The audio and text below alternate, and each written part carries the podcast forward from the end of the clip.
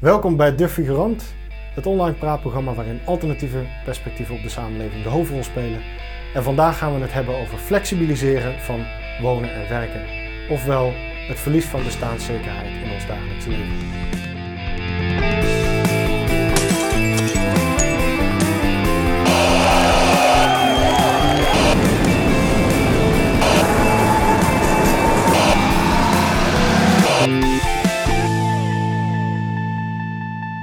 Of het nu gaat om onze positie op de arbeidsmarkt of om hoe we wonen. Steeds meer aspecten van ons dagelijks leven worden steeds vaker geflexibiliseerd. We verliezen onze rechten, bijvoorbeeld waar het gaat om uh, onze woning of waar het gaat om onze arbeidsomstandigheden. Uh, dit wordt vaak flexibilisering genoemd en over het algemeen wordt gesuggereerd dat het een positieve ontwikkeling is. Want flexibel, uh, dat is leuk toch? Je zit nergens meer aan vast. Maar is dat uh, eigenlijk wel echt zo? Of is flexibilisering ook uh, te duiden als een negatieve ontwikkeling? Heeft het ook veel negatieve effecten? Daar gaan we het vandaag over hebben. En ik heb twee gasten. Uh, Elina Arisse van de Bond Precaire Woonvormen. En Ruben Bres van FNV Young and United. Elina, ik ga eerst even naar jou. Bond Precaire Woonvormen, wat is dat ongeveer?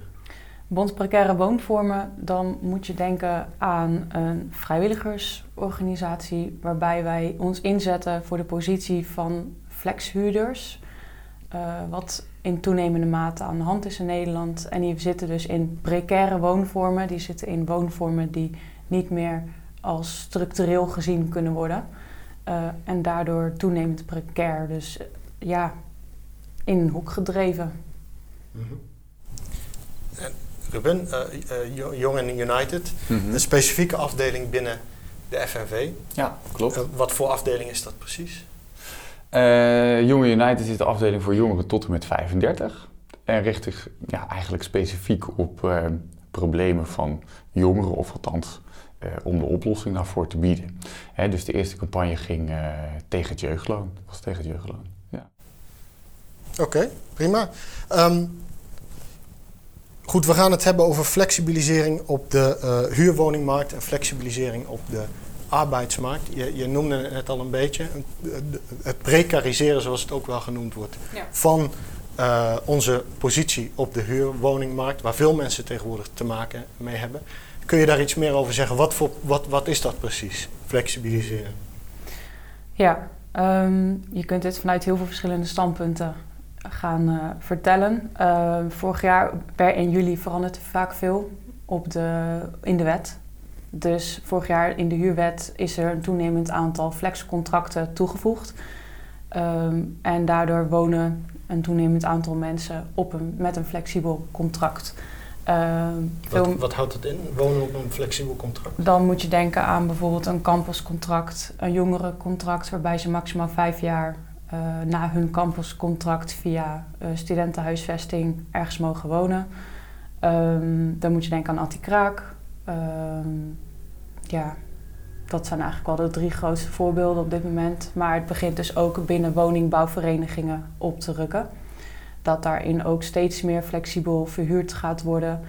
Uh, dat begint echt een trend te worden in heel Nederland. En, en hoe is zo'n flexibel contract anders dan een standaard huurcontract zoals we dat vandaag de dag kennen? Um, dat het ja, niet meer vaststaat dat jij daar bijvoorbeeld je hele leven kan wonen, wat vroeger iets heel normaals was. Um, dat is absoluut niet meer zo. Er worden steeds vaker dus termijnen op die contracten gezet. Een jongerencontract is vijf uh, jaar.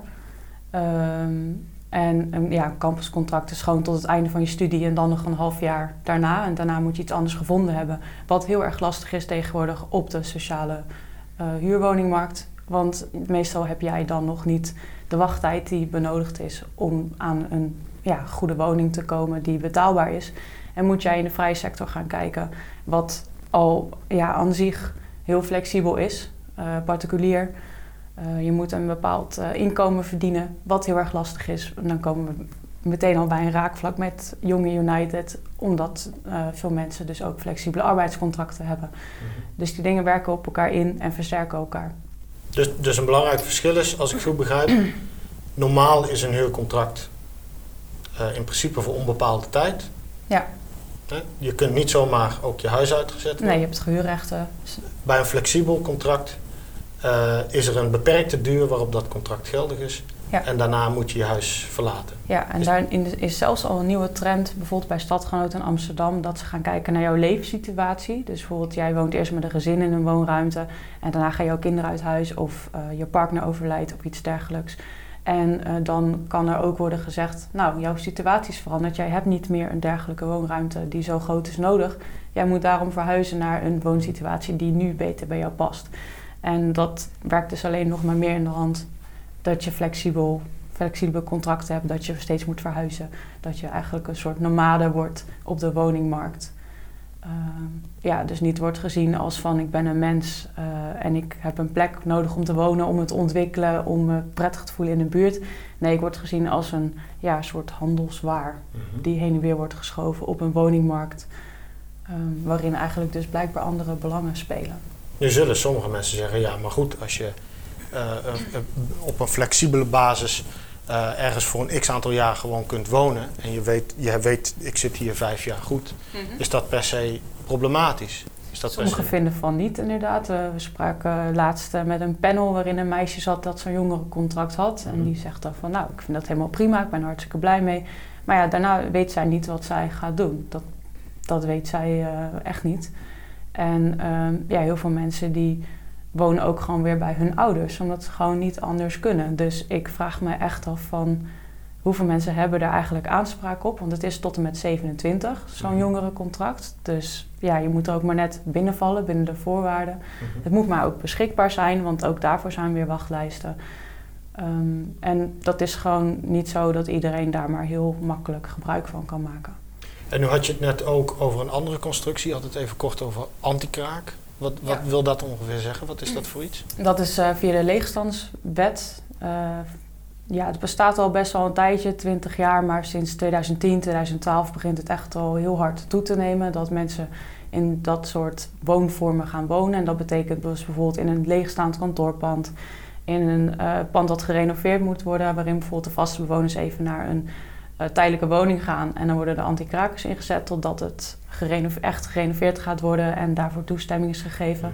Er is ook nu aan, ja, met de economische crisis een periode geweest dat eh, veel bouwprojecten stil lagen of dat daar vertraging in zat. Dus dan wonen antikrakers relatief lang op zo'n plek. Maar dan is het wel, dan, je hebt geen huurrechten. Je hebt een, een contract, het is een bruikleencontract. Jij beheert zo'n pand voor die eh anti-kraakorganisatie. En jij hebt dus eigenlijk gewoon helemaal nergens recht op. Zij maken uit wanneer jij eruit moet. Ehm, ja, je- er staan soms bepalingen in die echt niet eh, fijn zijn. Bijvoorbeeld dat ze gewoon maar binnen mogen komen in jouw persoonlijke ruimte. Daar nog zelfs over eh, kunnen gaan klagen ook dat het niet goed opgeruimd is en dat soort dingen. Dat gaat best wel ver. Dat maakt echt inbreuk ook op jouw privacy. Dus je mag je echt afvragen van hoe... Dat is eigenlijk... Ja, het is gewoon geen prettig wonen af en toe meer. Ze kunnen jou ook als verhuisservice gaan gebruiken. Allemaal onder druk. Omdat jij die rechten niet hebt. Dus je, je, je wooncontract is op te zeggen op hele korte termijn, Ja, binnen twee weken of één maand. binnen twee weken. Vaak, ja, binnen twee weken is eh, soms een hele normale termijn. En als dat gebeurt, stel nou de, die anti-kraakorganisatie die jou daar geplaatst heeft, die zegt je contract op. Mhm.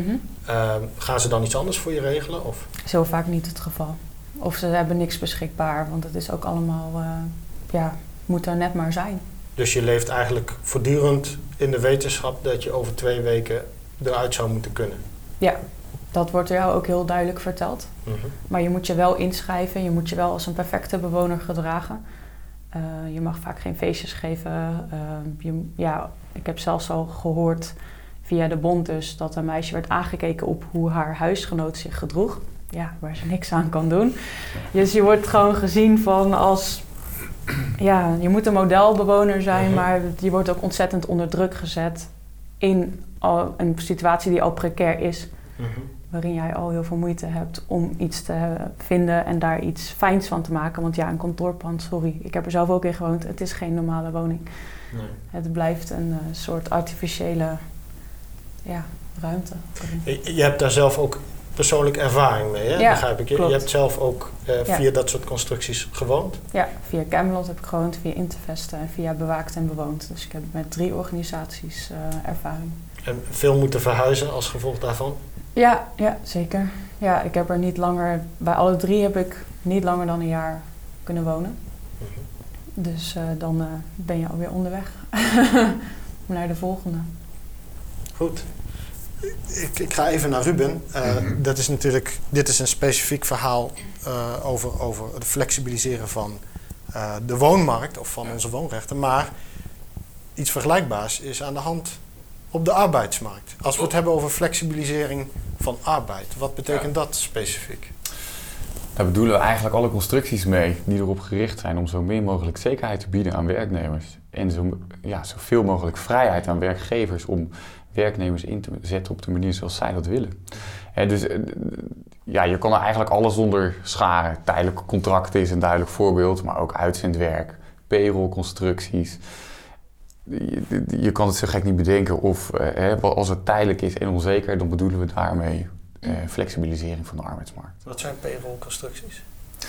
Eh, een payrollconstructie is eh, eh, bij een uitzendbureau eh, die bemiddelt tussen de werknemer en de werkgever.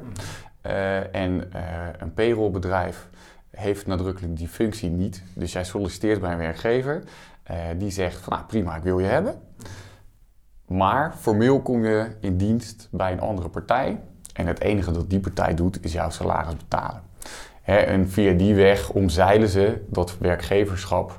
En dus de rechten worden op die manier verdeeld, waardoor het onzeker wordt. En is dit, is deze vorm van, van, van arbeid, deze vorm van betrekking tussen werknemer en werkgever, of juist het ontwijken van zo'n betrekking, is dat iets wat, wat steeds wat meer voorkomt tegenwoordig? Is dat een ontwikkeling? Ja. Steeds meer. Eh, als je kijkt naar wat cijfers, hè, de, eh, eh, de flexibele const- constructies zijn sinds 2003 eh, ongeveer verdubbeld. En dan heb ik het zowel over de constructies van wat betreft de tijdelijke duur, eh, als ook de onzekerheid van de hoogte van je inkomen. Hè? Want je kan wel een min of meer vast contract hebben, maar als dat een nul-uren constructie is, dus dat je niet zeker weet hoeveel uur je per week eh, aan het werk kunt, ehm, dan valt het daar ook onder. Dus dat eh, biedt op twee manieren onzekerheid, zowel qua, qua tijdsduur als qua hoogte van je inkomen.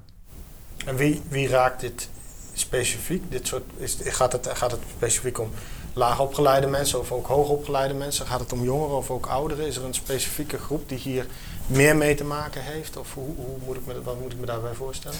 Eh, in principe zie je het over de hele linie op de arbeidsmarkt voorkomen. Hè, zowel bij eh, laagopgeleide als bij hoger opgeleide.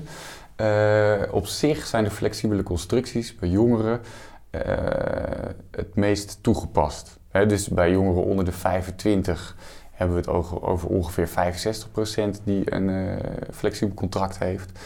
En bij jongeren tot 35 is dat eh, ongeveer de helft. Hè, dus 50% van hen eh, heeft een, eh, een flexibel contract. Of heeft geen zekerheid over de hoogte van zijn inkomen. Als we het nou hebben over die twee vormen van flexibilisering, op de arbeidsmarkt en op de woningmarkt, is er een verband tussen die twee? Houden die verband met elkaar op de een of andere manier? Ja, zeer zeker. Ja. Wij hebben ook daarin wel een vraag naar Jonge United. Omdat jullie wel zeggen bijvoorbeeld in jullie folder van... Nou, iets wat vaststaat is in ieder geval je huur. Je huur Mhm. betaal je wel, en, maar de rest is onzeker... omdat je heel vaak een tijdelijk contract hebt qua Ja. werk. Maar wij Ja. hebben eigenlijk daarin een vraag naar jullie van... Ja, hoe is dat eigenlijk wel zo? Wonen jongeren... Hoe wonen jullie jongeren, eh, Mhm. jullie doelgroep? Want wij hebben het idee van... Nou, huur staat eigenlijk ook helemaal niet meer vast Ja. tegenwoordig. Ja. Dus dat is een vraag. Voor Ja. hoe wonen die jongeren? Kijk, het voorbeeld is denk ik vooral als, eh, een soort metafoor gekozen hè, voor vaste lasten. Dat iets dat vaststaat, ehm, daar hebben we allemaal mee te maken in het leven. Eh, jij geeft aan van ja, die huur, is, dat is wel te nuanceren dat die vaststaat. Hè, maar eh, wij, wij proberen dat te koppelen, die vaste lasten, aan dat je inkomen schommelt. En dat je dus ehm, op die manier in problemen komt wat bestaanszekerheid betreft. Ja. En eh, die jongeren die ik spreek, die hebben heel veel problemen op de, op de woningmarkt. hè, ofwel ze blijven gedwongen thuis wonen bij hun ouders, of ze komen inderdaad in die tijdelijke constructies terecht waar jij het over hebt. Ehm, maar bovenal hebben die jongeren helemaal geen keuze. het is eh, gedwongen, een gedwongen manier van leven. Want op het moment dat je die vastigheid wilt, of die zekerheid, wat iedereen aangeeft, ja. op een paar reizigers na misschien, maar dat is een soort ja, tijdelijk uh, uh, aspect misschien van, van jong zijn, dat je wilt reizen of iets dergelijks. Hè? Soms is het ook voor studie of... bijvoorbeeld, maar iedereen geeft aan van ja, die zekerheid die willen we juist graag hebben. En dat, dat is zeker een doel dat, dat iedereen heeft, maar ehm, wat ontnomen is op dit moment. Mhm. En eh, het is ook geen keuze. Nee, dat vinden wij inderdaad ook. Het is ook gewoon zelfs beleid. Ja. Want VVD is hier natuurlijk al een tijdje mee bezig. Stef Blok op, uh, op het woningbeleid, het ministerie, die is al eigenlijk sinds 2009 gewoon bezig om de deze boel af te breken. Om mhm. het gewoon toenemend flexibel te maken. Daar schamen ze zich ook niet voor. Dat steken ze niet onder stoelen of banken. Dat is, uh, dat is duidelijk. De flexibiliseren wordt vaak gebruikt als een positieve term door heel veel politici. Ja. Die zeggen, ja. het is eigenlijk leuk. Je zit nergens aan vast. Je kunt zomaar ergens anders heen. Het nomadische bestaan, hè, dat je, waar je het straks al over had. Dus het, het, wordt in zekere zin, je zou kunnen zeggen, geësthetiseerd. Het, het, het flexleven. Ja, lekker in een tiny house wonen. Of een pop-up mhm. city creëren. Of een pop-up winkel. En Niet vastzitten aan je werkgever. Ja. Ja, goed, iets dat flexibel is, dat breekt niet zo snel. Dat zit er een soort van achter. Eh, maar de, de, de, praktijk is dat het alleen maar in het voordeel van de werkgever werkt en niet in het voordeel van de werkers. Die hebben er helemaal niks aan. Hoe, hoe werkt het in het voordeel van de werkgever precies? Op zichzelf is het voor werkgevers op de korte termijn uh, goedkoper. Mhm. als je kijkt naar wat het voor effect heeft. Uh, als je in flexibele constructies werkt, betekent dat dat je telkens opnieuw begint want je werkt ergens misschien twee jaar, mhm. nou, misschien wat korter, wat langer. Eh, maar op het moment dat je op zoek moet naar een andere werkgever en je komt daar, dan begin je weer op nul. Mhm. Dus op die manier bouw je niet iets op hè, wat vaste werkers wel hebben. Mhm. Eh, en dat verschil dat kan oplopen tot gemiddeld wel 30%. Dus dat is substantieel. Dus dat is het voordeel dat de werkgevers op korte termijn hebben, maar op de lange termijn, ja, weet je, wie is erbij gebaat? Uh, het gaat er ook om hoe je de maatschappij wil zien. Zie, zie je werkers als uh, een soort wegwerpproduct die gewoon korte tijd zich uit de maat moeten werken uh, en vervolgens weer ergens dat opnieuw moeten gaan doen. Hè? En uh, nou ja, totdat de mensen uit de boot vallen en sowieso voor zichzelf niks op kunnen bouwen. daar waar de werkgevers weglopen met, met alle winst. Of eh, ja, ben je meer voor een maatschappij waar dat eerlijk verdeeld is? Mhm. Dat, dat werker, werkgevers nou ja, een goed bedrijf wordt gegund, mhm. eh, maar uh, jongeren die werken of mensen die werken in zijn algemeenheid ehm, iets op kunnen bouwen met werk. Hè? Want dat is tenslotte waar je het voor doet. Nou ja, het gaat inderdaad om een leven kunnen opbouwen. Ja. En wonen is gewoon een basisrecht, een vaste mhm. verblijfplaats, een, een, plek waar je je thuis voelt, mhm. waar je iets op kan bouwen met mensen die jou dierbaar zijn. En op dit moment is, wat jullie volgens mij een van jullie slogans ook is, tijdelijk wonen is eigenlijk gewoon een gratis anticonceptie. Dus um, mensen krijgen liever geen kinderen meer of worden daar zelfs op aangekeken. Want waarom krijg jij een kind terwijl jij een campuscontract mhm. hebt? Jij weet toch dat je daar binnenkort uit moet? Dat is toch ongezond voor jouw kind? Waarom doe jij dat? Dus je wordt er zelfs moreel op aangesproken. Op deze flexibilisering die jij dus niet zelf veroorzaakt hebt. Ja. Goed, het, het is duidelijk, het is niet wenselijk. Het is lang niet zo positief en rooskleurig als dat het wordt gepresenteerd in de media en door politici. Um, maar we zitten hier ook omdat jullie daar allebei in je eigen praktijk iets aan doen. Jullie mhm. voeren daar actie tegen. Ja. Wat doet de Bond Precaire Woonvormen tegen flexibilisering? Uh, nou, we zijn net een uh, landelijke campagne begonnen, Fuckflex. Hashtag Fuckflex. uh, fuckflex.nl. Dus wij lanceren vier posters waarin dus eigenlijk heel kort wordt benoemd van... Ik sta ook op een van die posters dit is de situatie van die persoon en een quote bij van ik heb dit meegemaakt. Bijvoorbeeld, ik moest mijn woning uit, want er kwam iemand anders in. En dat was, dan noemen wij dat precariteit binnen precariteit, de flexibilisering binnen flexibilisering. Uh, mensen worden gewoon in tijdelijke constructies in hun huis geplaatst waarvan ze weten van ik moet hier binnenkort alweer uit. Mm dus ja, wat doen wij daaraan? We hebben eigenlijk nu een folder ook uitgebracht met een stappenplan. Uh, wij krijgen dingen binnen, klachten of verzoeken van mensen die in een moeilijke situatie zitten. Wij leggen contact met die persoon, we gaan de situatie onderzoeken. Wat is hier aan de hand? Uh, met welke contracten hebben wij te maken? Waar hebben ze wel of niet recht op? Uh, kloppen die contracten en al die bepalingen? Uh, dan gaan we contact leggen met die persoon. Mm -hmm. nou, om ook even uit diegene zelf te horen. Wat is je, je, situatie? Waar heb je mee te maken? Heb je ook contact met andere huurders om je heen? Hebben meer mensen hier mee te maken? En dan proberen we dus gelijk te kijken van kunnen we die mensen, kunnen we een solidariteitsnetwerk opbouwen? Dus kunnen we die mensen aan elkaar verbinden? kunnen we een vergadering plannen uh, met uh, alle betrokken mensen, zodat ze dus een, een, blok kunnen gaan vormen. Want in je eentje sta je heel zwak. Dus je moet het opnemen tegen een, bijvoorbeeld een anti-kraakorganisatie of tegen een corporatie. Dat is gewoon heel erg lastig en vooral ook heel erg stressvol voor iemand. Want je zit dan met allerlei onzekerheid. Um, dus daar sturen wij op aan. En mocht het dan echt uit de hand lopen als die organisatie nog steeds iets heeft van nou bars maar, uh, je moet eruit. Mm -hmm. Dan zetten we of een advocaat erop. We hebben ook advocaten binnen onze organisatie. Um, dus dan gaan we het via de juridische weg uh, spelen. En daarnaast zijn er ook nog acties mogelijk. Dus bijvoorbeeld bij zo'n uh, woningcorporatie of bij een anti-kraakorganisatie. Dat we eens langs gaan, dat we eens zeggen van hé, hey, wat, wat is dit? Dit kan niet. Um, en, en, publiceren dus ook. Dus artikelen schrijven. Breng, we brengen het in de media. We stimuleren de bewoners om zelf een Facebook-pagina uh, op te zetten of een Twitter-account. En laat maar horen aan de wereld wat, uh, wat er zich afspeelt. En dan als je bij, een, bij, bij zo'n woningcorporatie langs gaat, dan maak je dus gebruik van het netwerk wat je gecreëerd hebt. Ja, we zitten door heel Nederland en we hebben zelfs al afgedwongen dat er kamervragen gesteld zijn uh, door onze acties. Dus zelfs dat de minister moest beantwoorden aan de vragen die gesteld werden. Dus wij proberen dus die met een groep, uh, dat solidariteitsnetwerk, proberen wij dus zodanig te creëren en uit te breiden dat dat geluid gehoord moet worden. Mm -hmm.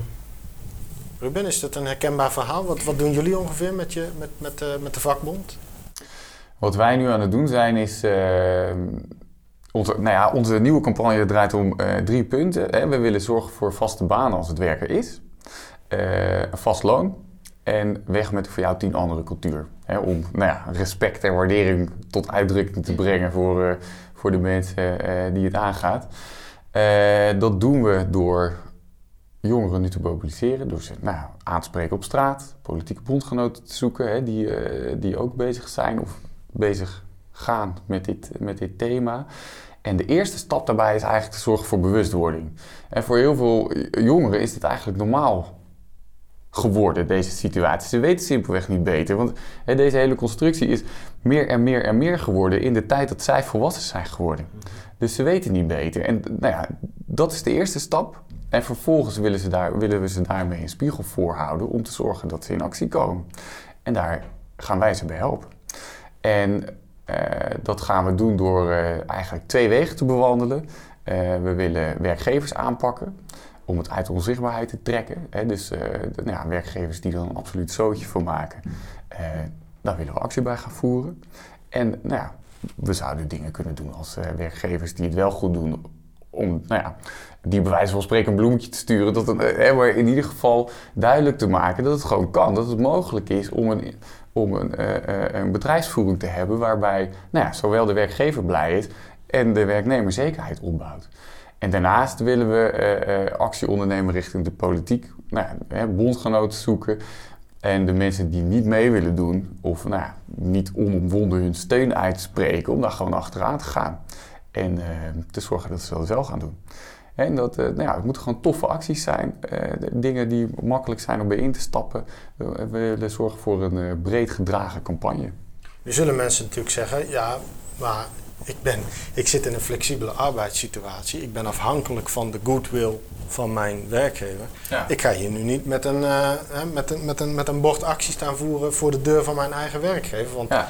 ja dan vlieg ik er meteen uit. Ja. Hoe, hoe, hoe, hoe gaan jullie met dat probleem om? Ja, het is een beetje cru om te stellen, maar als je niks doet, dan gebeurt het ook. Vlieg je er ook uit. Uh, die kans is in ieder geval heel groot. Dat is juist uh, hè, waarom het belangrijk is om wel uh, in actie te komen. Het leuke aan deze campagne is dat ja, we gaan niet per se bij je werkgever op de stoep staan. We willen werkgevers als voorbeeld gebruiken. En we kunnen dus heel goed bij een werkgever actie gaan voeren waarbij je als jongere niet werkt dus onze eerste actie was bijvoorbeeld bij Pathé, 15 juni. Nou, dat bedrijf dat heeft verleden jaar 20 miljoen winst gemaakt. Dat is Ruim, de bioscoop. De bioscoop. uh, maar 85% van de jongeren werkt daar op een flexibel contract. Bizar veel.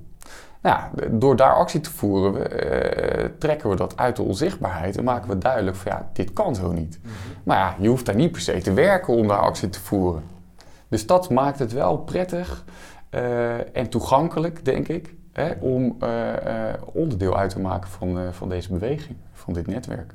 Dus, dus in zekere zin hoor ik iets vergelijkbaars als in het verhaal van Eline. Je hebt een netwerk nodig. Ja. Je moet mensen aan elkaar verbinden die in een vergelijkbare situatie zitten, maar toch allemaal in een andere. Ja. En dan daar een soort solidariteitsrelatie tussen zien te creëren als, als, als beweging. Ja, en waar je toch wel met z'n allen beter van wordt. Hè, dus het is minder een soort individuele strijd. Hè, maar je hebt er wel absoluut belang bij als jongere dat dit wordt aangepakt en bovendien dat het verandert.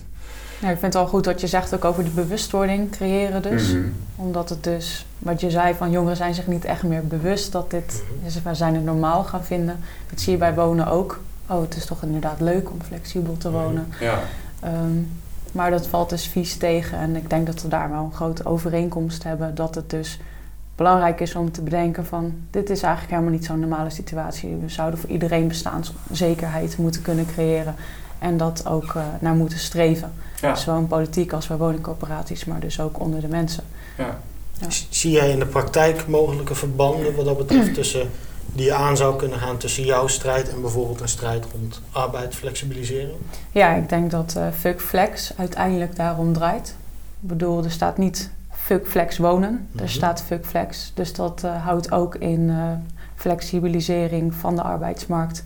Waar inderdaad heel veel jongeren, maar ook oudere mensen, heel veel mensen gewoon mee te maken hebben. En daardoor in bestaansonzekerheid zitten en geen leven kunnen opbouwen waar zij uh, tevreden mee zijn. En wat, ze, wat mensen eigenlijk gewoon verdienen, wat gewoon normaal zou moeten zijn. Mm absoluut. Dus ja, daar zie ik zeker kansen. Oké.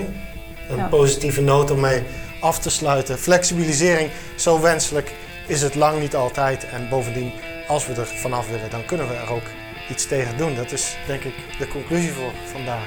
Uh, dank voor het kijken en tot een volgende keer.